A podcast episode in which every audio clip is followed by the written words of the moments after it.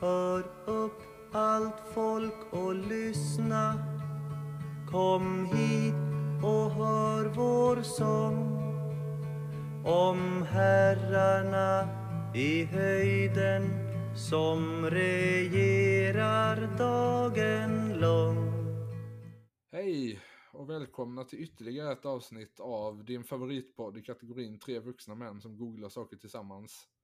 Brödrafolkens podd. Jag heter Max som pratar nu och med mig har jag som vanligt Albin Tjena, tjena. och Grime. Hallå, hallå. Ja, ännu en vecka har gått. Ja, de, de fortsätter att göra det.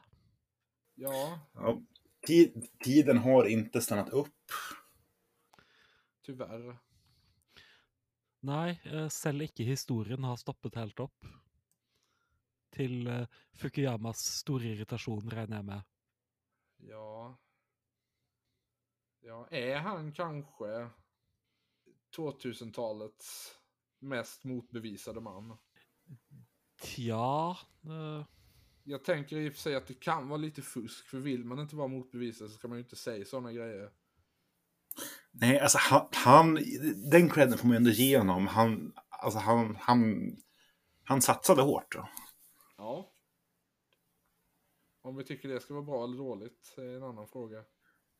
Alltså, filosofiskt så tycker jag ändå att det, det, det visar lite balls. Jo, visst. Det kan det väl göra. Har det hänt något i era liv?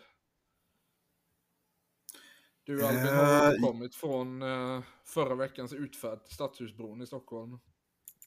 Precis. Eh, jag tänker att så länge förundersökningen pågår eh, så har min jurist sagt åt mig att hålla käft om det. Så, vi, så vi, vi, vi ska inte prata mer om det. Eh, Nej då.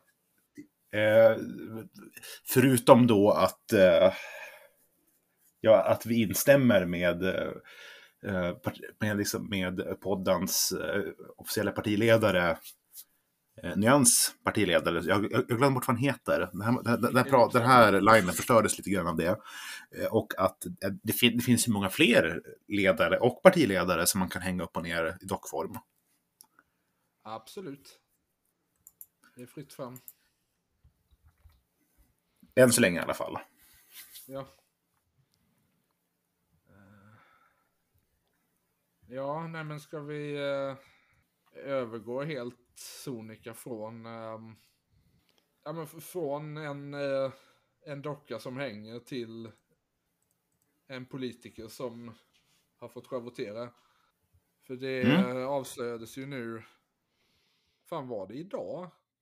Eh, I tidningarna att ehm, PM Nilsson, nej igår var det detta kom ut. Eh, statsministerns statssekreterare, tidigare chefredaktör på Dagens Industri och innan dess typ politisk redaktör på Expressen. Eh, Ja, eh, friend of the podd måste vi ändå säga. ja då, vi har haft mycket behållning av honom. Under det år ungefär som vi har varit igång. Eh, han har i alla fall eh, haft lite roliga fritidsaktiviteter. Ja, just, det får man ge honom. Det säga. Han har, eh, ja, men han har ju länge och gärna eh, reppat Blekinge i officiella sammanhang. Och eh, så även nu.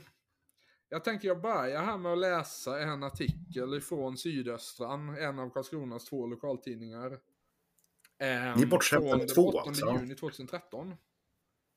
Med rubriken Karlskrona-solen lyser på sommarkändisarna. Soliga Karlskrona blir allt populärare. Nu sommarbosätter sig även medieprofilerna Helena Gissén och PM Nilsson på Aspö i Karlskrona skärgård. Eh, jag bifogar här i chatten en bild ifrån den här artikeln på eh, hur PM Nilsson såg ut 2013. Vi ser här nu. Ja, i den chatten. Eh, han, han ser ju generellt för ung ut, det gör han ju alltid. Jo, Han är typ 45 på den här bilden. Ja om den är tagen 2013 så är han ju det. Det, det, här är ju uppenbart ett bild av en 17-åring. Han är född Ja. 1968.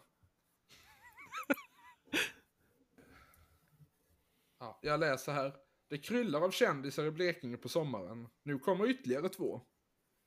De kommer att få chans senare i den här artikeln att bevisa den där tesen att det kryllar om kändisar här. Mediaparet Helena Gissén och PM Nilsson har nyligen köpt ett hus på Aspö i Karlskrona skärgård för 720 000 kronor. Eh, jag ställer... Alltså när jag läste det här så fick jag sån dissociation. Eh, jag kan inte inbilla mig att det kan ha varit så lite som tio år sedan hus på Aspö såldes till Stockholmskändisar för 720 000 kronor. Ja, alltså, jag, jag, jag, jag, jag, har väldigt svårt att förhålla mig till den summan. Är det mycket? Är det lite? Eller var det mycket? Var det lite? Ja, idag får du nog betala 2-3 miljoner för ett hus på Aspö tror jag. Ja, men shout-out till PM Nilsson och, och, eh, och eh, Helena Gissén för ett fastighetskap. Jo, visst. Eh, Helena Gissén är politisk reporter på TV4 och PM Nilsson har nyligen tillträtt en tjänst som politisk redaktör på Dagens Industri. Bägge har tidigare arbetat på BLT i Karlskrona, vilket alltså är den andra lokaltidningen. Den med den lilla blåa lappen man sätter på brevlådan och inte den röda. Det var ju ett, eh, fram till, ja men, när jag var barn, så var det ju ett hjälpsamt sätt att man kunde se vad ett givet hushåll hade för politiska åskådningar. Att de, eh, de skyltade ganska hjälpsamt med det på sina brevlådor. Den gamla goda tiden. Ja, det är väl lite mindre så idag, men framförallt i och med att dessa två tidningarna numera ägs av samma företag och är typ till hälften likadana. Ja, någon gång måste vi prata om varför det typ finns typ, typ 12, eller typ tre lokaltidningar som, är, som står till vänster om höger. Ja, det bör vi kanske göra. En grej jag kan nämna här när vi ändå pratar om lokalpress är att jag har, ehm, ja, eftersom jag jobbar heltid nu igen så har jag börjat lösa korsord på kafferasterna nu igen. Och ehm, en grej jag har noterat med lokaltidningarna här är att eh, mängden eh, korsord i vardagsutgåvorna är direkt korrelerad med tidningens politiska åskådning. Okej, eh, åt vilket håll är det, vinklat? Då? Ja, nej men Sydöstran som då är eh, socialdemokratisk, jag, jag kommer inte ihåg om de är oberoende socialdemokratiska eller vad det är. Eh, de har i alla fall som regel ett korsord och ett krypto i varje vardagstidning. Nej, det står bara socialdemokratisk. BLT, som då är oberoende liberal, har kanske ett litet korsord. Eh, men sen så är nästan allting i lördagstidningen. Eh, och sen Barometern i Kalmar som är oberoende moderat. Eh, de har nada. Ut, utanför lördagsutgåvan i alla fall. Eh, eh, Virkelig, jeg ville trodd at altså moderatene velgere var altså Sveriges Blant Sveriges ivrigste kryssordløsere. Kanskje kun slått av eh, KD. Ja, nej men det kunde man trott. Ja, men så, så, sånt där är Altså, ju jeg, jeg, jeg, jeg bas- kulturbjärt. baserer dette jeg baserer dette utelukkende på altså, mine antagelser om snittalderen til ulike partis velgere, men uh... Ja, fast nu är det ju... Nu tror jag väl att Moderaterna framförallt är typ... Ja, men... Kanske 40-50-åringar. Att det är där de är som starkast. Äldre grupp, alltså pensionärer tror jag i första hand är socialdemokrater fortfarande ja, jo, det är ju enkel mening eh, jag tänker över det. Jag har ju ingen aning dock om... eh, om hur liksom de här tidningarnas läsekretsar ser ut. Så, no, så noga inläst är jag inte på, på lokalpressen här nere. Eh, hur som haver, jag återvänder till den här artikeln. Eh, men om sanningen ska fram är ingen av dem några nya sommarblekingar. Både Helena Gissén och PM Nilsson har tillbringat flera av sina ungdomars somrar i Blekinge. Jag har bott på Aspö och min sambo hos sin far i Skavkulla i Nättraby. Och mina föräldrar flyttade till Blekinge 1984, berättar Helena Gissén. Hur har Karlskrona utvecklats under de åren? Frågar Sydöstran lokaltidning i Karlskrona till en kvinna som bodde där en period på 80 och 90-talet. Sen jag kom till Karlskrona 1988 har kommunen utvecklats enormt. Tidigare var den en avstängd marinstad, men nu är den helt annorlunda. Och sen har vi då listan, är ni beredda? Mm. Ja. Katarina Massetti, författare, Sommarhus på Kyrkö. Eh, Horace Engdahl, författare, född i Karlskrona, synlig i stan då och då. Synlig stan då och då. Ja, det ska ju sägas att anledningen till att Horace Engdahl är född i Karlskrona är för att hans pappa var sjöofficer. Så jag tror inte han har några släktrötter här. Nej, jag, jag tycker att Karlskrona kan ju inte få ta, alltså, det kan ju inte få ta cred för typ varenda jävla flottist. Nej. Han, var, han föddes ju då i Karlskrona men skrevs från sin födsel i en militärförsamling i Stockholm. Ja, nej, nej, nej, nej han, han kan inte få. Ehm, Thomas Olsson, kändisadvokat, också född i Karlskrona. Ingen aning om vem det är faktiskt. Vad sa du att han hette? Thomas Olsson. Ja, världens mest generiska namn. Ja, lite så. Jag tror det kan finnas några tusen i Sverige som heter exakt så. Johan Wester, komiker, har sommarhus på Aspö. Det visste jag faktiskt om. Miri Dell, skådespelare och sångare, har föräldrarna på Hästö. Hon tror jag faktiskt är född och uppvuxen här. Har Jaha, Thomas, Thomas Olsson var Quicks advokat då. Så det, var, det, det är en bra, Ja! det, det är en bra jurist. då. Ja, verkligen. Ehm, och sen här kanske den svag, eller en av de svagare. Eh, Kristina Skolin, skådespelerska, har vänner på kyrkö. Jag känner att nu, nu börjar vi nå liksom punkten till att man kan skriva in mig. För jag känner också någon i, Karl- i Karlskrona. Peter Lövgren, utrikeskorrespondent, syns med bröderna Ola och Mark på kyrkö. Alltså, jag, bekänner att begreppet syns gör väldigt stark... Alltså, jag lyfter mycket i de här meningarna. I Jo, de men alltså, här, det, Nej men alltså det är ju... det är ju her er jo litt bare sånn- en liste over alle som noensinne har vært publisert et sted og har vært i Karlskrona. Ja, Mats Ja. Knutsson, politisk reporter och Lottie Knutsson, informationschef på fritidsresor. Otroligt stark kändistitel. Men det är väl hans fru då antar jag.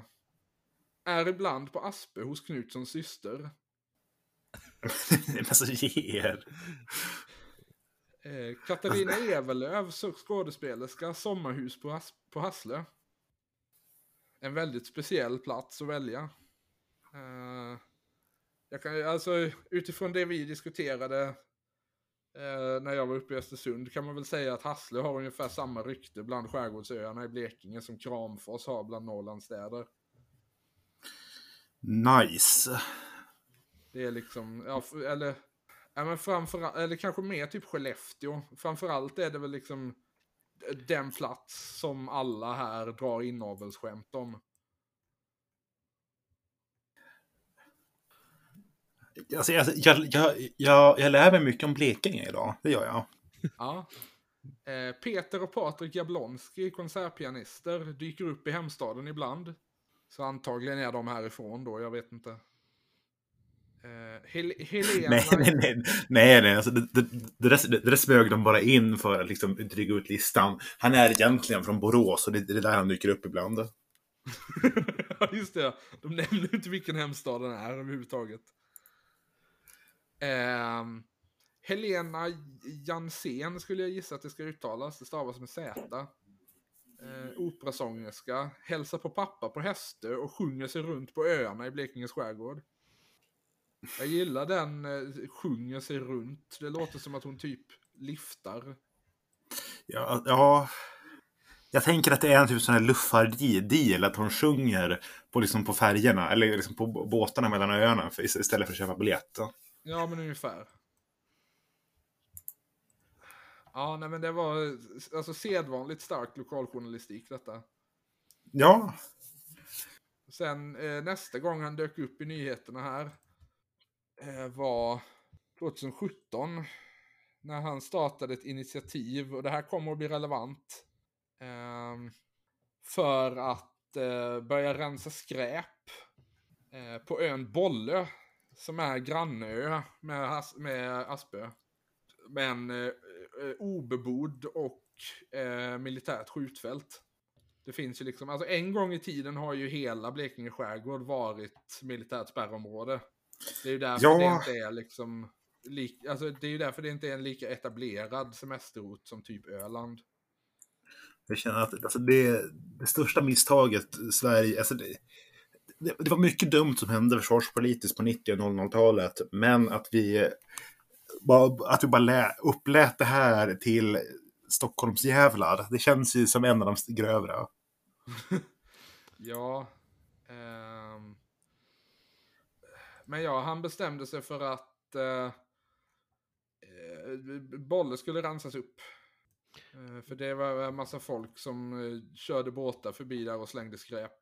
Och eh, sommaren 2018 eh, så lyckades han på något sätt locka dit eh, Storbritanniens ambassadör. Oklart varför han tog intresse för detta, men det gjorde han. Ja, men där, där har vi en till kändiskoppling till Karlskrona. Storbritanniens ambassadör syns, syns ibland i stan. Ja, Ja, eller syns ibland på ubebodde holmer utenfor byen. Att det känns ju, alltså, när, du, alltså, när du sätter det så, då, är det, alltså, då, då håller de ju på med någonting där. Då är det ju... Ja. Jag läser här, denna gången från BLT, som gjorde en eh, intervju med de två. Det är nog en ovanlig syn. Storbritanniens ambassadör iklädd badbyxor, en t-shirt från Stockholms roddförening och med svarta, svarta sopsäckar i händerna. Han har helt klart valt rätt dag för sitt första besök i Blekinge som inte består av en rad möten eller politikersamtal. David Cairns får stekande sol och bleke, alltså vindstilla, för er som inte pratar havsspråk. Det är ju en av, eh, en, en av historiens största ironier är ju att landskapet Blekinges namn bokstavligt talat betyder det vindstilla landet.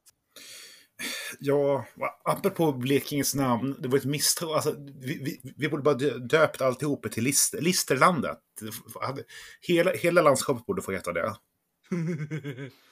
ja, apropå Mycket in- bättre apropå namn. ställen alla, alla eh, drar inavelsskämt om. Eh, Jeg, jeg, jeg tenker man bare kunne vært ærlig og kalt det Nordøstskåna. Ja, jo. Eh, när han tillsammans med PM Nilsson plockar skräp från Bollös stränder. Det är så viktigt att göra något. Det finns en massa skräp i haven och naturen och om alla gör någonting så kommer vi långt. Det tar inte ens lång tid, säger David Cairns, Storbritanniens ambassadör i Sverige sedan tre år tillbaka. På ett par timmar fick de ihop tio säckar och en massa större bråte. Bland annat ett gammalt kylskåp som legat så länge att en liten björk vuxit upp genom det. Det är härligt att de lyckas återskapa sina favoritscener från filmen Wall-E på sin dag i skärgården. Det är ganska roligt. Lite som att plocka svamp. Man borde alltid ha en sopsäck med sig, säger PM Nilsson, politisk chefredaktör på Dagens Industri och sommarboende på Aspö. Det är han som lockat ut ambassadören till militärön. BLTs artiklar om PM Nilssons insats på Bolle förra sommaren fick stor spridning och han tackades av både ÖB, överbefälhavare Mikael Bydén, och miljöminister Carolina Skog, miljöpartist. Flera stora Alltså, jag, alltså, jag tycker mer det här låter som spioneri. Jag förstår inte varför. Alltså, det, det, här- det, här, det här landet är ju helt sönderkört om man får ta, om för att man bjuder in utländsk representant till hemligt militärområde och får tack från, från, från staten. Jo, altså åpenbart er jo det de faktisk har gjort, å altså, etablere Gladio-våpenlager. Ja, nej, men så, jag tror att, att när, man, när vi spårar liksom besluten som ledde fram till att vi försökte gå med i NATO, det här kommer ju vara, det här kan jag minst ett kapitel i sig. Ja, statsministerns eh, statssekreterare döms i tingsrätt för olovlig kårverksamhet. Ja, men alltså, om, om någon inblandad i regeringen hade startat upp en sån, då är det. PM Nilsson. Jo.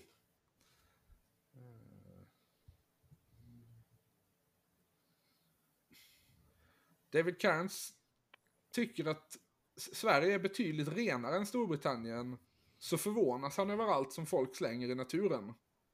Vi kan plocka hur mycket som helst, men det viktiga är att människor slutar kasta saker. De tänker inte, de bara slänger. Han plockar Ja, upp en stor gummigrej som ser ut att vara ett gammalt bildäck. De hittar en del konstiga grejer, som badbyxor och ett sexmannabord.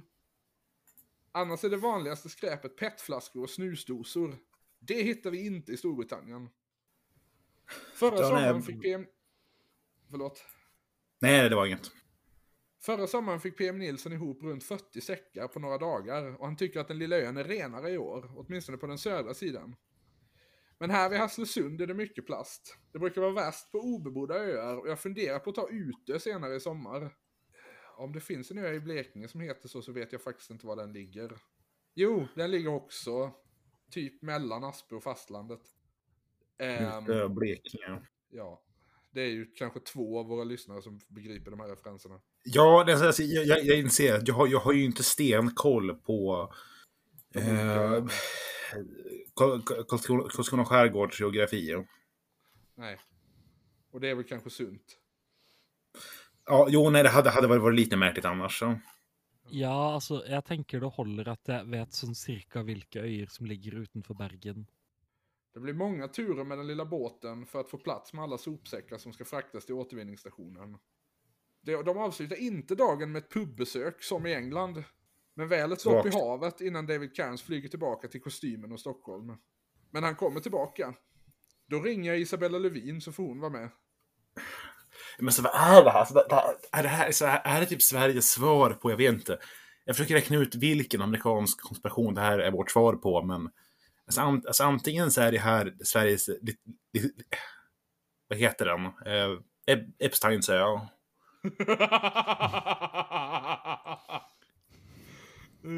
ja, alltså vi vet, alltså Bolle är, Stora Bolle är ju så pass stor så att om man gör någonting mitt på ön så skulle man nog inte se det från havet. Nej, alltså jag, jag, jag det vill ha kval. från eh, P.M. Nilssons roddbåt. då. Ja. ja, kan han inte dela dem med oss? Ja, han fortsatte i alla fall göra det här i några somrar, men nu... ehm, nu visade det sig att eh, det, det kan ha funnits anledningar till att han var runt Bollö så ofta. Eh, nu läser jag då från gårdagens Sydöstran, alltså onsdagen den 18 januari.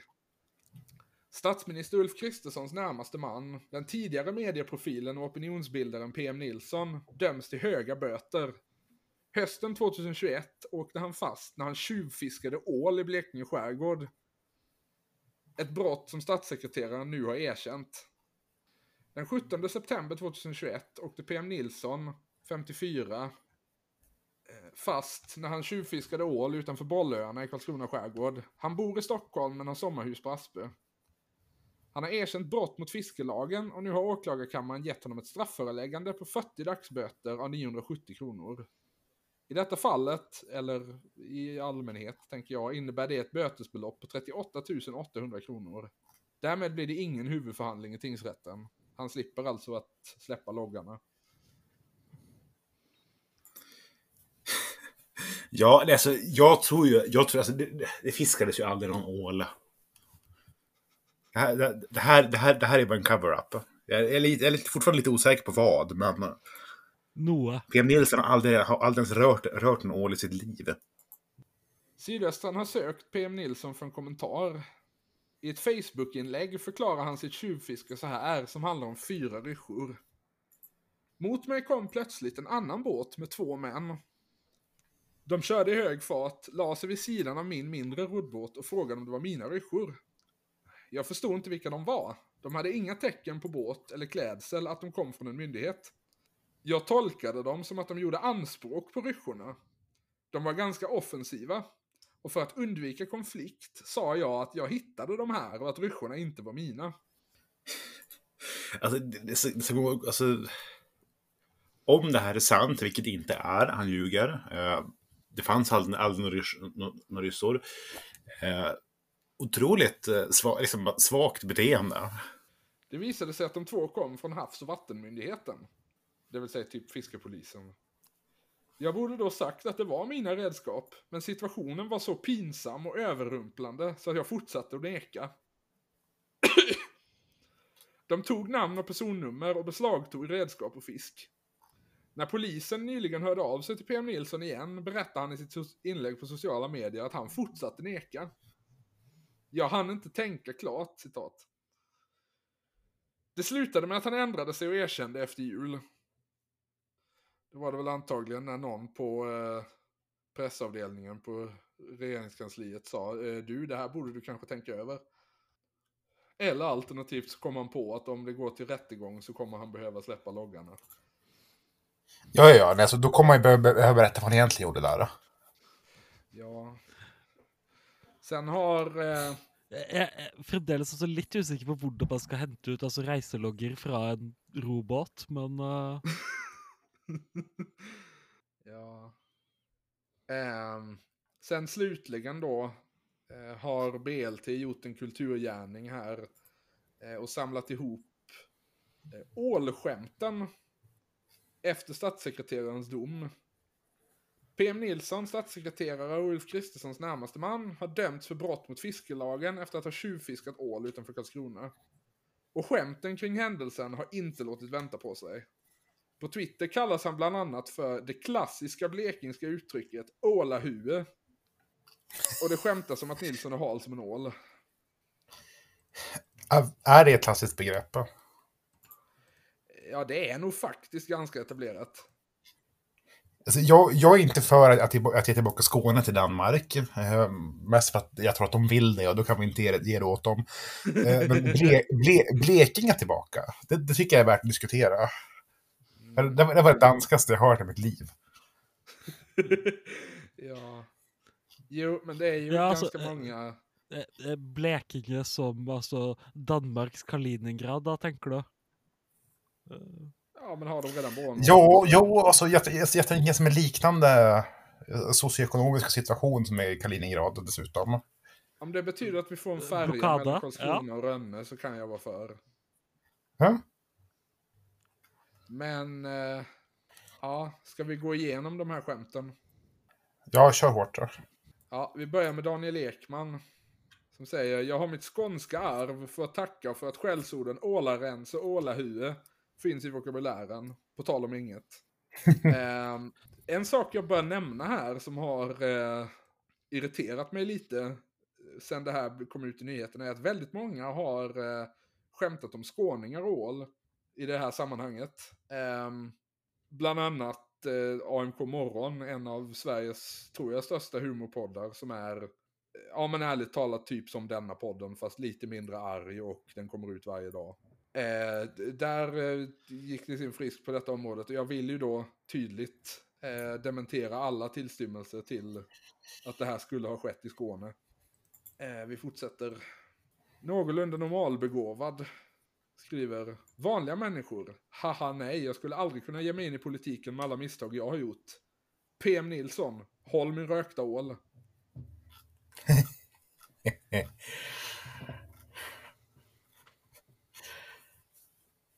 Och sen var det ett par till ålahuveskämt. Eh, sen är det någon som har skrivit hitta någon som älskar dig som PM Nilsson älskar ål. Jag tycker vi, vi tänjer lite på gränserna för vad som räknas som ett skämt där. Ja, jo, alltså, nå, någon, någon, någon som är beredd att begå lite lättare, lättare brott för dig. Jag, jag, jag. Ja, eh, sen här eh, ett, ett, någonting som bevisligen är ett skämt, fast ett ganska svagt sådant. Kom igen PM, det är AI du ska syssla med, inte ål. ja, men den var helt OK. Ni får ju, alltså lyssnarna får ju då tänka sig hur det här ser ut i skrift. Det är en klassisk sån ordvits som inte funkar så bra när man säger den högt. Nej, nej, men jag, jag, jag tror att vi är någorlunda överens om hur både ål och AI stavas för att det ska funka. Jo. Eh, ja, sen är det någon med det ganska så starka ändå displaynamnet Långsamma Cash. Eh, som har skrivit Sån jäkla otur för PM Nilsson att åka fast första gången han tjuvfiskade ål. Mm. Nej, men jag tänker att ålfiske är väl lite som sexköp. Man åker alltid fast första gången. Ja, det kan ligga någonting i det. Så är det någon som har skrivit att han är hal som en ål, den där PM Nilsson. Den var, den var svagare. Ja, den var ganska förutsägbar va? Ja. En sak som inte diskuterats tillräckligt i det här med att PM Nilsson fiskat ål olagligt är att ål är jätte, jätte, jätteäckligt. Också jätte, jätte, jätte, jätte utrotningshotad. Ja, det är väl därför det är olagligt till att börja med, tänker jag. Jo, jo, men alltså liksom, du, du kan ju, du kan ju, du kan ju uh, tjuvskjuta en älg. Men de är inte... u- Ja, De, vi, men, vi, har- men vi har inte tappat 95 procent av, älg, av älgbeståndet. så. Eh, I, I tillegg så er det altså mer eller mindre forståelige grunner til å skyte en elg. Som at du kan spise den, og det smaker godt. Jo, jo men det, det, det är en poäng. jag har ju till min, eh, till min, min stora arvsskam aldrig ätit ål. Så jag kan inte riktigt ge någon utlåtelse över vad jag tycker i det här sammanhanget. Ja, nej, jag har, jag, har, jag har inte heller ätit ål, men jag, jag, har, jag har ju knappt ätit den konstiga fiskrätten som kommer, där jag bor, kommer från där jag bor. Så det, det, Nej, den som är laglig. Ja, men ja, i Sverige specifikt, men du får inte ha, ha, exportera den utomlands. Nej. Eh, Och sen denna, eh, den här var lite klatschig tycker jag. PM Nilsson har bett om ursäkt till Kristersson och lovat att från och med nu gå all in i rollen som statssekreterare. Jag vill slå personen som skrev det med en ål. Ja, och sen en lite liknande. PM Nilsson, handslags-emoji, poker, all in. Alltså, jag, jag, jag känner, vi, vi, vi får ta stopp där, för jag, jag, jag orkar inga mer ålskämt. Nej, som tur är så är det bara ett kvar. Ja, Det är någon som har försöka. tagit en bild på när de står vid, eh, skulle tro typ Vasabron i Stockholm, eller vid Riddarholmen. Eh, och skrivit bildtexten med eh, ett metspö ska jag säga. Och skrivit texten Fiska ål vid Stadshuset med PM Nilsson, Tobias Billström och Erdogan. eh, Tobias Billström och Erdogan syns inte i bild. Det är oklart vad, hur de kommer in i detta. Nej, det... Ju mer, ju, ju, ju mer jag tänker på det skämtet, desto sämre blir det. Tar, jag tar tillbaka min fnysning. Det är väl härligt med sådana skämt. Ja, Ibland behövs det sådana också. Man kan väl konstatera rätt så konsekvent att lokaltidningarna här har varit väldigt bra på att mjölka detta. Eh, Ja, och nej, alltså, jag som- all- all cred till dem. som möjligt i rubrikerna.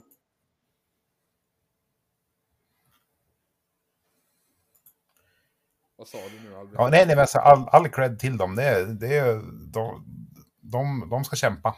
De gör sina jobb. Ja.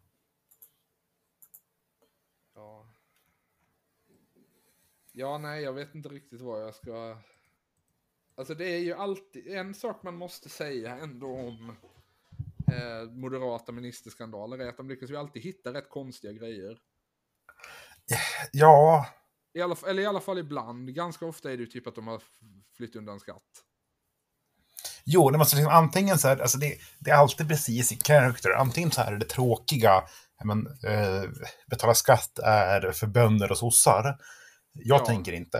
Eh, Ja, alltså, eller så är det något sånt sönder... att- Det var väl ingen som såg framför sig när de tittade på Sven-Otto Littorin att han har säkert något väldigt konstigt för sig. Jag, jag tänker det på alla eh, moderata ministrar. Jo visst, men liksom inte, inte något uppseendeväckande konstigt. Alltså, ja, ja, jag vet inte om jag köper. Jag, tänker, jag, tror att sexköp är nog typ exakt det jag föreställer mig att, att Sven-Otto Littorin och som Sven-Otto Littorin håller på med.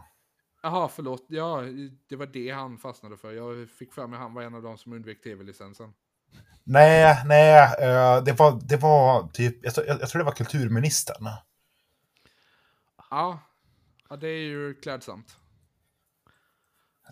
Ja, men det, det Jo, TV-lisensen er jo så mye gøyere ting å ikke betale enn eh, eh, enn, altså, skatt. Det er jo Hovedsakelig fordi altså, be- begrepet TV-lisens er gøy. Jo, ja, Ja, nej, sen så, det, jag, har, jag har jobbat på, på den tiden radio och tv-tjänst fortfarande fanns på deras kundservice. Och folk, folk jobbade ju i alla fall på att liksom inte behöva betala sin tv-licens. ja. Jo, men det var ju lite av en nationalsport där ett tag. Jo, och... Eh, men, ja, i och för sig, om jag myndigheter... från att det har varit det i typ alla länder som har haft ett sånt system. Ja, eh, och nu, nu är myndigheten för nedlagd, så jag vet inte vilka sekretessbrott jag begår nu, men jag kan försöka vara lite diskret i alla fall. Jag vet att minst en statsminister har ringt in för att berätta varför han inte borde behöva göra det.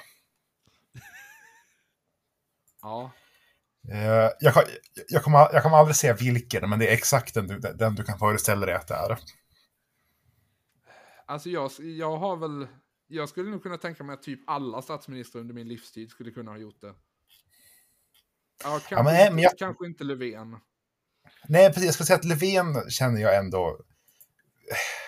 Ja, Okej, då kan jag känna... Det, det, var, det, var inte, det, var inte, det var inte Löfven. Jag har ingen aning om han betal, betalade eller inte, men det är inte han jag har bevis på att han eh, uh, försökt komma undan. Nej. Um, nej. Men, eh, nej men jag skulle nog kunna säga att för min del, alltså om jag spekulerar eh, så kan det väl omöjligt räknas som att du har begått sekretessbrott. Nej, men precis. Uh, så sen, så, så, så, så, så, Myndigheten är nedlagd. Vad, liksom, vad ska de Ja. göra? Nej men för min del så skulle jag nog kunna tänka mig att typ Göran Persson och Fredrik Reinfeldt är ungefär lika troliga att de har... Ja, men uh, tänk dig bortom begreppet statsminister i din livstid. Aha, ja. Var det Bildt? Jag tänker tystnaden får tala här. Ja. Ehm, Eh, vem, vem det nu var, till deras cred så ringde de in och gjorde det själva. Ja, nej men det är härligt av Axel Persson Bramstorp att han gjorde det. Jo, jo. Han var liksom mellan liksom att, näm, att utnämna liksom random anti, antisemitiska bokförläggare till ministrar så Ja. Gjorde han sin rätt. Eller ja, in, inte rätt, men han, han försökte komma undan sin rätt på rätt sätt. Mm, nej men det är trevligt att, att Felix Hamrin skötte sig på det sättet. Jo. Väldigt starkt jobb av Österundén. Robert Temptander ringde in till Radiotjänst. Genom via optisk telegraf. Ja. Gillis Ja, Bildt. Jeg, jeg, jeg var, var ikke engang klar over at man hadde eh, TV-lisensen en gang under eh, Karl Johan Tuselius eh, sin tid som statsminister. Ja, nej, han, det, det, det, alltså det, det, det är inte många som vet det. men Han, den, han var den första som försökte, som försökte smita undan. Han startade en lång tradition. Ja.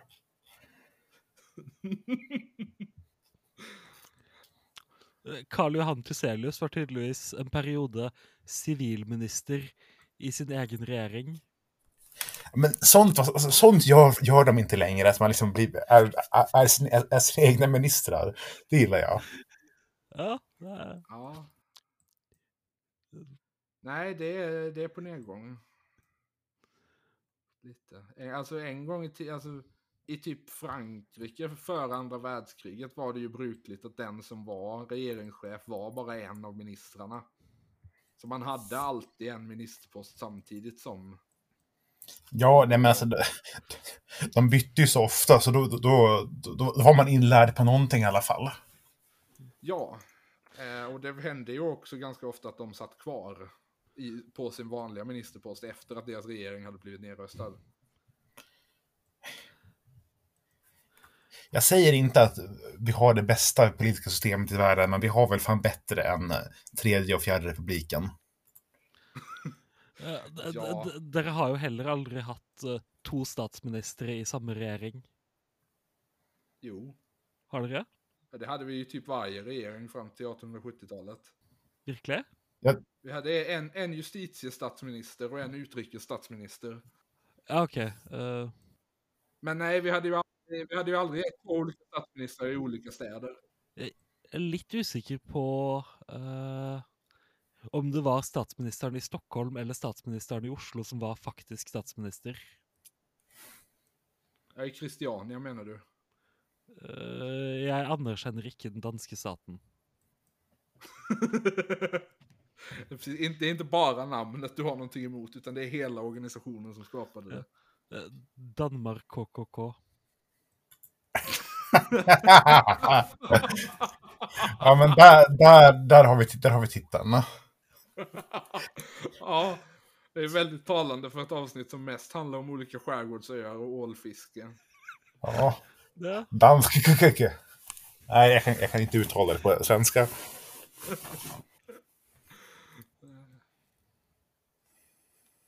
Dollartecken, dollartecken, dollartecken, Verge. Ja. Eh, men ska vi övergå från... Eh... Ja, men vi fortsätter väl lite på temat eh... konstiga grejer folk gör med djur. Mhm. Eh, har, ni, har ni hört någonting om hunddåden i Malmö? Ja, men alltså vagt. Jag, jag, tror, jag tror att de pratar om det här i typ Allt åt allas Malmö-podd. Eh, Ja, Är- det är- är- är en det någonting med köttbullar? Ja, eh, det här är en, en återkommande grej som har pågått sedan hösten 2020 är det första som Sydsvenskan skrev om det. Eh, och jag, jag läser här. Korvar preparerade med häftklamrar och krossat glas under lövhögar har den senaste tiden upptäckts på hundrastplatser i Malmö. Siberian Huskyn Svava skar upp ena tassen och har skuttat runt på tre ben i två veckor. Sydsvenskan har tidigare rapporterat om att krossat glas hittats i sandlådor på flera av Malmös lekplatser. Nu har liknande fynd gjorts i hundrastgårdar. Martina Jönsson och hennes sambo upptäckte flera större glasskärvor i hundrastgården vid Rönneholmsparken i fredags. Det är helt sjukt ju. Det måste vara fel på den som medvetet gör så här, säger hon. Martina Jönsson plockade upp bitarna, satte upp en lapp för att varna andra och hörde sen av sig både till Malmö stad och till polisen. Hundrastgården är nu låst i väntan på sanering. Jag hoppas att Malmö stad rensar upp ordentligt, för just nu är det så mycket löv där att det är svårt att se vad som ligger under, säger hon. Carl Mikael Bengtsson, Siberian Husky, Svava, skar upp tassen i Hundrastgården vid Stadionparken, inte så långt från där jag bodde i Malmö, för två veckor sedan. Jag förstod först inte hur hon skadade sig. Men när jag återvände till rastgården träffade jag en dam som berättade att både hennes och en väninnas hund skurit upp sina tassar där inne, säger han.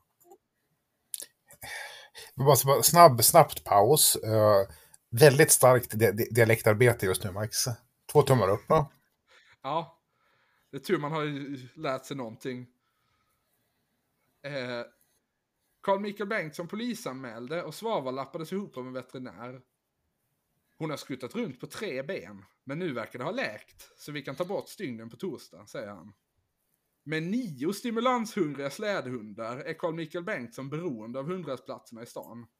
Men det som hände Svava oroar. Det är fasansfullt. Man förstår inte hur folk tänker. Som om det är skoj att skada djur. Jag vill bara pausa här lite snabbt och säga att jag tror jag vet vem den här mannen är. Alltså, som pratar eller som har, som försöker döda hundar? Eh, nej, som, som de intervjuar. För att det Okej, finns... ja. Det, det fanns en man i ungefär mitt område i Malmö som man ibland såg gå runt med typ fem sådana hundar på ett eh, seriekoppel. Jag tänker att det kan inte finnas två.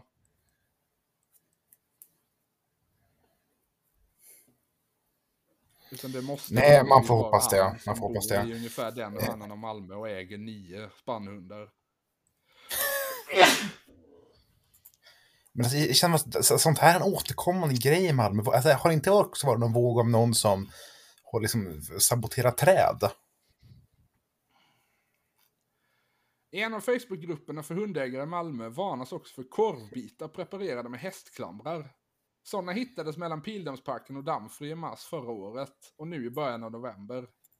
Också det är polisanmält, berättar Nils Norling, presstalesperson vid Malmöpolisen. Detta har inneburit fara för hundar och en kostnad för Malmö stad för sanering.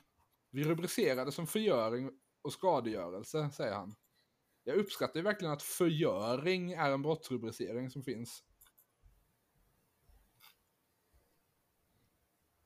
Eh, han uppmanar den som upptäcker skadegörelse att höra av sig till polisen. Bla, bla, bla, bla, bla. Det finns uppenbarligen personer som av oklar anledning vill skada både barn och djur. Och jag vet inte, alltså, sen det här hände så verkar det inte ha kommit fram så mycket om vad som kan ha hänt. Nej, nej men alltså hur... Eller vad som hur, kan ligga känns, bakom. det känns som typ omöjligt att hitta en sån här sabotör om man inte tar med bar, bar gärning. Jo. Nya fynd, det här är från januari 2021. Nya fynd av bullar fyllda med glas har påträffats på tre olika platser i Malmö. Den här gången är det Sorgenfri med omnejd som drabbats. Sen i höstas har ett tiotal försök att skada hundar lett till polisanmälningar i Malmö. Flera gånger har det handlat om utspridda hembakade bullar med glassplitter i. Det finns, också det finns också exempel på kycklingklubbor som lagts ut med instuckna spikar och korvbitar med häftklamrar.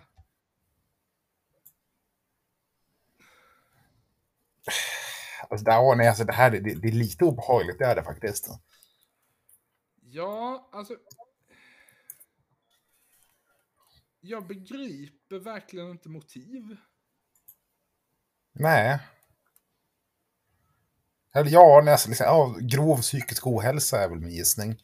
Ja, men det måste väl vara det. Alltså det är någon som har bestämt sig för att de tycker det är kul när hundar far illa. Det, Ja, kan liksom inte, det kan liksom inte ligga någon politisk eller ekonomisk grej bakom detta som jag kan begripa.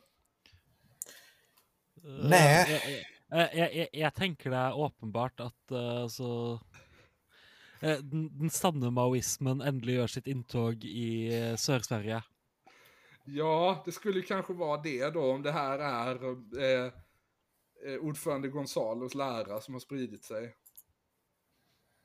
ja mi, min teori är att det här, det känns ju troligare att det här är typ Nils Littorin som bara har tappat förståndet. Då. Men altså, hvorfor kan han ikke ha tapt forstanden og blitt gonzaloist?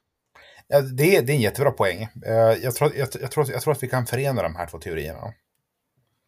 Ja. ja, nej, det enda som egentligen, in, den enda artikeln jag hittar här som, på Sydsvenskan som inte är antingen en, en text som handlar om att det har hittats fler eh, hundfällor i olika parker i Malmö. Eller en intervju med någon hundägare vars hund har skadats av detta. Eh, eller det har också funnits ett par olika ledarartiklar om hur hemskt det här är. De är inte speciellt intressanta egentligen. Ehm, de säger ungefär vad man tror. Men det finns i stort sett en artikel jag har hittat som avviker från, det, från, från den mallen. Och den är faktiskt från igår. Du har funnet en artikkel som er for dette? Ja. Eh, nej, exakt. Eh, den har rubriken Niklas 35 utreder hunddåden på egen hand.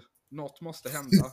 Nej, oh, Niklas 35 är ju hjälten.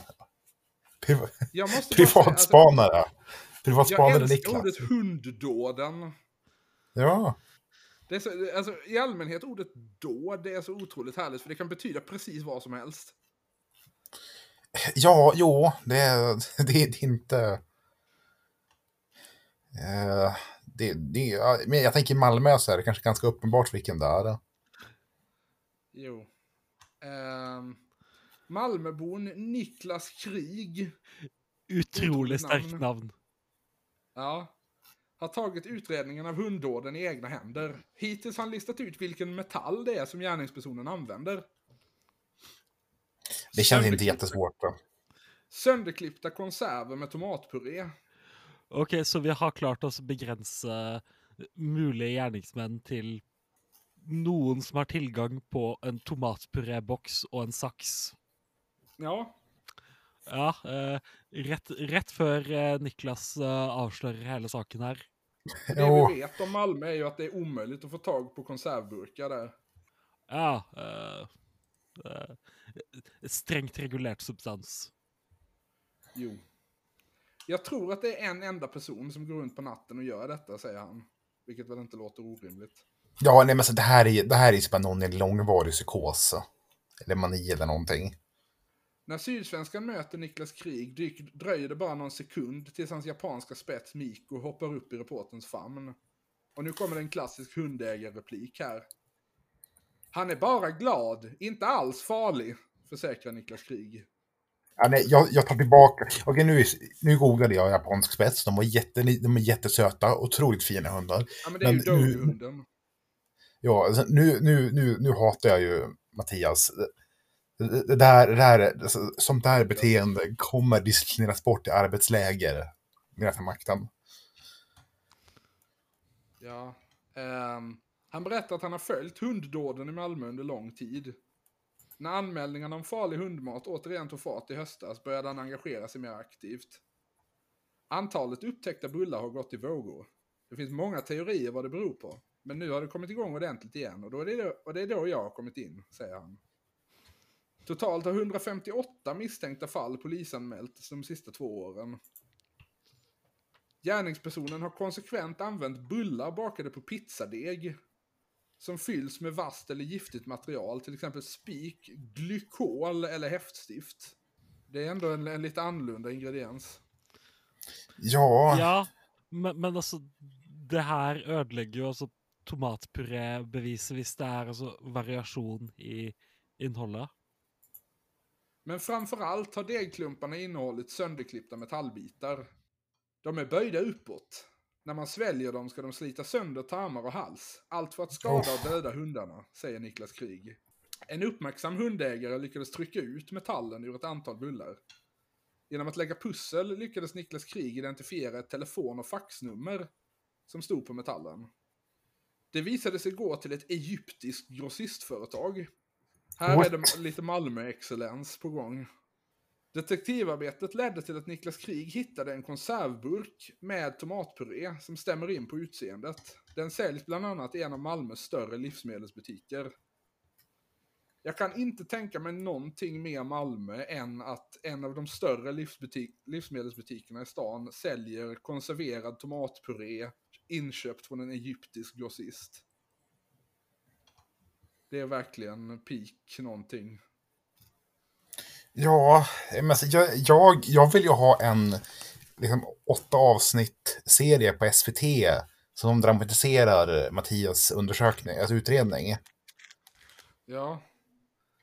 Eh, informationen har han lagt ut i den Facebookgrupp som startats om hunddåden. Där, spekul- där spekulerades det om vem eller vilka gärningspersonerna kan vara och vilka motiv som kan ligga bakom.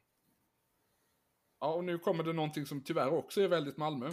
Spekulationerna har i vissa fall haft främlingsfientliga undertoner. Bland annat eftersom degen till synes är samma som i pizzabottnar och tomatpurén är från Egypten. Ja, det är Eh, vet inte, alltså. eh, Jag vill innrømme at jeg ikke har undersökt detta lika mycket som Niklas Krig tydeligvis har gjort, men eh, jag väljer att tro att detta är en SD false flag. Ja just det, för de vill sprida, eh, de, de vill smutskasta ordförande Gonzales rena lära. Ja, åpenbart. För att hindra dess spridning bland arbetarklassen. Eh, ja, eh, altså Den gonzaloistiske utdragne folkekrigen var altså, akkurat i ferd med å skje i Skåne spesifikt. Ja, ja, ja, alltså de, eftersom vi har de här klistermärkena på lyktstolparna så vet vi om att ordförande Gonzalos mästerliga tal står framför arbetarklassen som stridsvapen. Och om man, har, om man väl har nått den insikten så är ju proletariatets diktatur nästa steg. Ja, Det var väl ungefär de nyheterna jag hade. Ja, men jag tänker att ibland så måste vi ta oss bortom eh, lokalnyheter i Katmandu och olika liksom obskyra landsändar i norr till lokalnyheter i olika obskyra landsändar i söder. Ja, Katmandu er jo for så vidt relativt langt sør eh, sammenlignet med sant. Jo, men jo, i och för sig. Point. ja. Sant. Eh, Ja, nej men sen har det ju hänt lite med någon docka i Stockholm också, men jag tänker att det finns inte så mycket vi kan tillägga i den debatten som inte redan har sagt. Nej, eh, men eh, tenker vi å gi oss der, eller sk- skal vi snakke litt om eh, norsk, norske tog eh, og Just det, ja men det kan vi runda av med. Ja, eh, for det at eh, Det händer fortfarande grejer i Oslo också. Jo, som vi har diskutert tidligere, så eh, Norge et sted hvor det er mer eller mindre umulig å bygge omtrent alt av infrastruktur.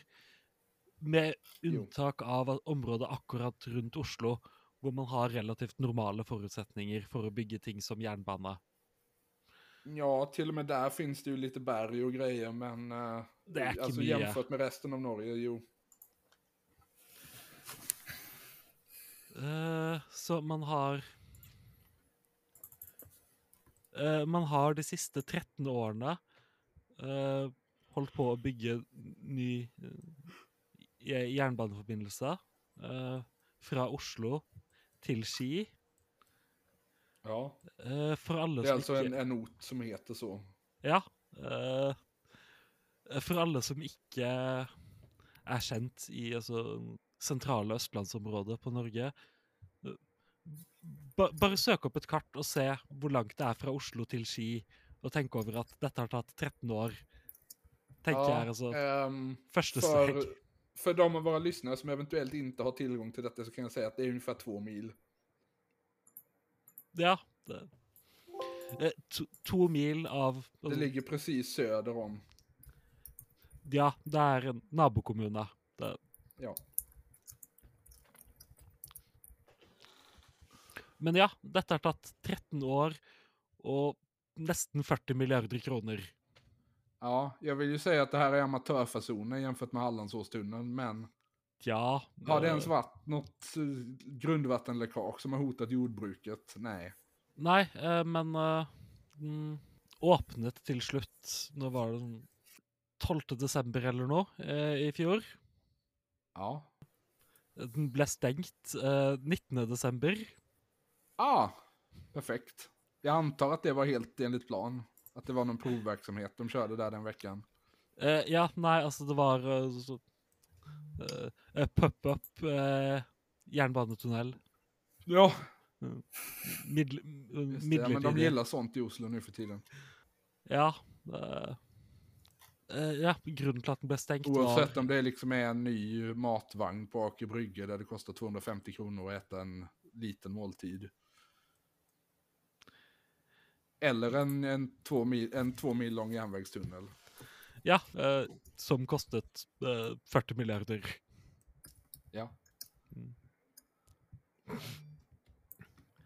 Men eh, så var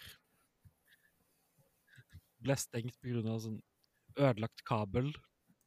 Det har også vært altså, manglende kommunikasjon mellom eh, Bane Nor og Vy, eh, som er Ja. to forskjellige ting. Altså, Bane Nor eh, ja, naturligtvis är det det. Eh, jo, eh, Bane Nor har da ansvaret for altså vedlikehold av skinnene som togene går på, mens vi kjører togene. Ja. Jag ska ju säga att i Sverige har vi ursäkten att det finns en EU-förordning som kräver att man ska skilja de här sakerna åt. Eh, Norge har väl bara gjort det för skojs skull antar jag. eh, nei, vi Jeg tror vi ha- har altså implementert eh, EUs jernbanepakker. Eh, Ja, Arbeiderpartiet nybörjarmisstag. Ja, Arbeiderpartiet diskuterte på et tidspunkt internt eh, å gå for å eh, bruke vetoretten som i teorien fins i EØS-avtalen, men som aldri har blitt brukt. Eh, Ja, Men eh, så døde alle menneskene som var altså hardeste forkjempere for det på Utøya. aj. Ja. Jag, var, alltså, jag, jag ber om ursäkt för att jag skrattade. Jag var inte alls beredd på att du skulle börja säga de orden. Så jag, jag Nej, det tappade lite- innan det meningen var slut. Eh, Det är ändå ett lite underutforskat motiv. Om det kan ha varit så att Breivik var väldigt, väldigt för att eh, järnvägsunderhållet och trafiken skulle skiljas åt. Och Ja, att det var av den anledningen han gjorde det han gjorde. men eh, uansett eh, eh, En defekt kabel eh, bør være mulig å skifte relativt raskt, eh, tenker dere kanskje? Ja, alltså. Jag hade, jag hade min bil inne på verkstad för ungefär det och det lyckades de lösa på en arbetsdag. Så att jag antar att det här är samma. Ja. Eh, ja, den stengte som sagt eh, 19. desember. Eh, Ja. Och öppnade igen den 21 antar vi då. n- Foreløpig har Lagom till jultrafiken. eh, Foreløpig er den utsatt til 12. februar. Dette er da den fjerde utsetni- utsettelsen. De har skjutit på det fyra gånger. Ja. Eller de har skjutit på det tre gånger då. eh, det altså Om detta är den fjärde. Eh, ja, eh, så Eller altså eh, Den skulle opprinnelig være åpnet 1. januar. eh, eller nei, opprinnelig i- andre juledag, eller noe sånt. Ja. Lagom till den andra jultrafiken. Ja. Eh, så ble det utsatt til första første nyttårsdag. Så ble det utsatt til 1. februar. Eh, eh, nå har man eh, altså fremdeles Ja, nesten to uker til eh, 1. februar funnet ut at det er umulig å fikse det eh, innen det, så nå er den utsatt til 12. februar. Ja. Jo men. um är ytterligare en stor seger för norsk infrastruktur med andra ord. Ja, det Det går strålende. Ja. Nej men vi måste ändå ge det till våra, våra arbetarkingar. Att de, de ser till att inte, och inte stressa sig.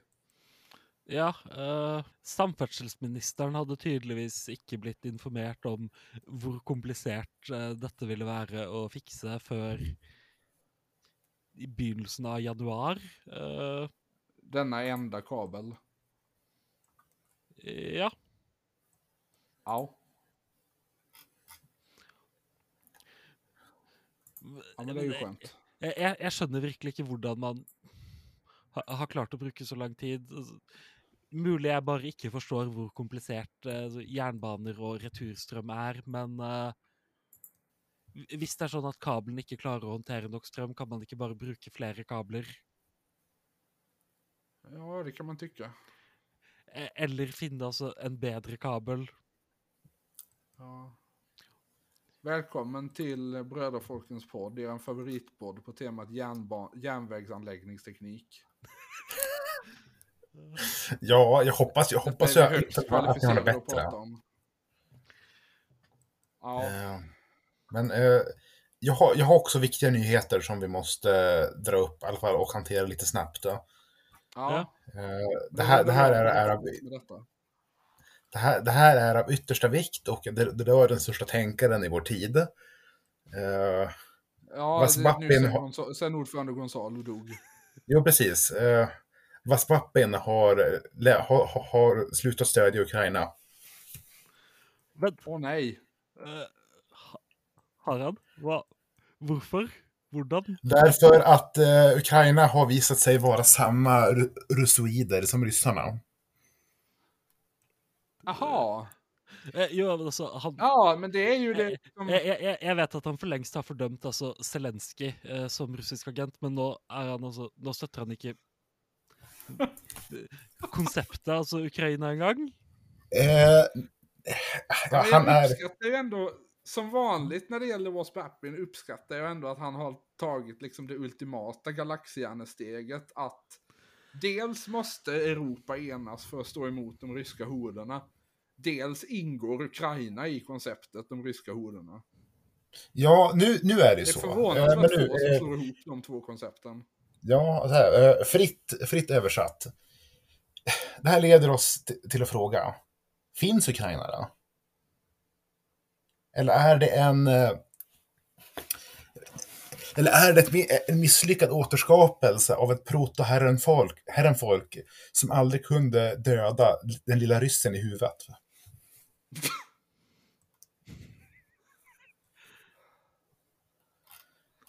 Ja. Sen så är det en massa babbel om Syrien eh, som jag inte ids ens läsa, men eh, summan verkar vara att eh, Zelensky inte är tillräckligt pro Netanyahu. Okej.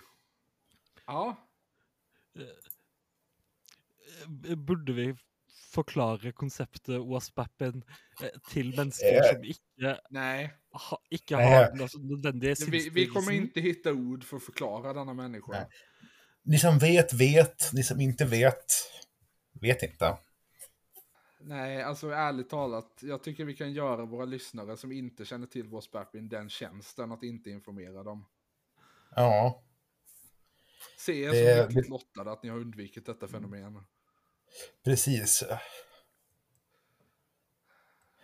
Okej, men så- jag, jag måste ta eh, en, en sista, eh, ett sista citat, för det, det här är faktiskt fantastiskt.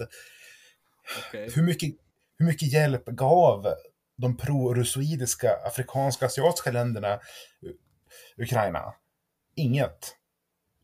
De borde ha, de borde ha svält, men Ukraina, men, men Ukraina kunde inte resa sig bakom sina sovjetiska vanor.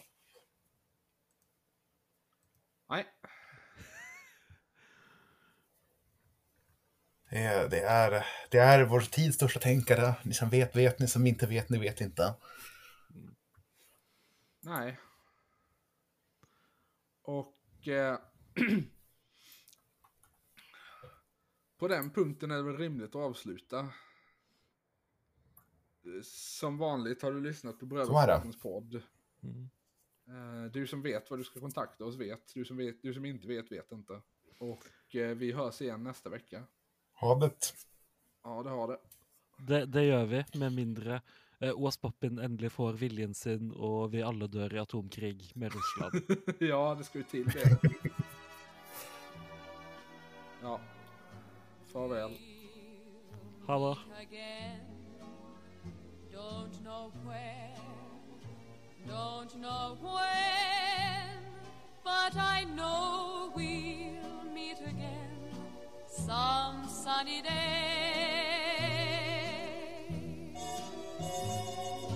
Keep smiling through, just like you always do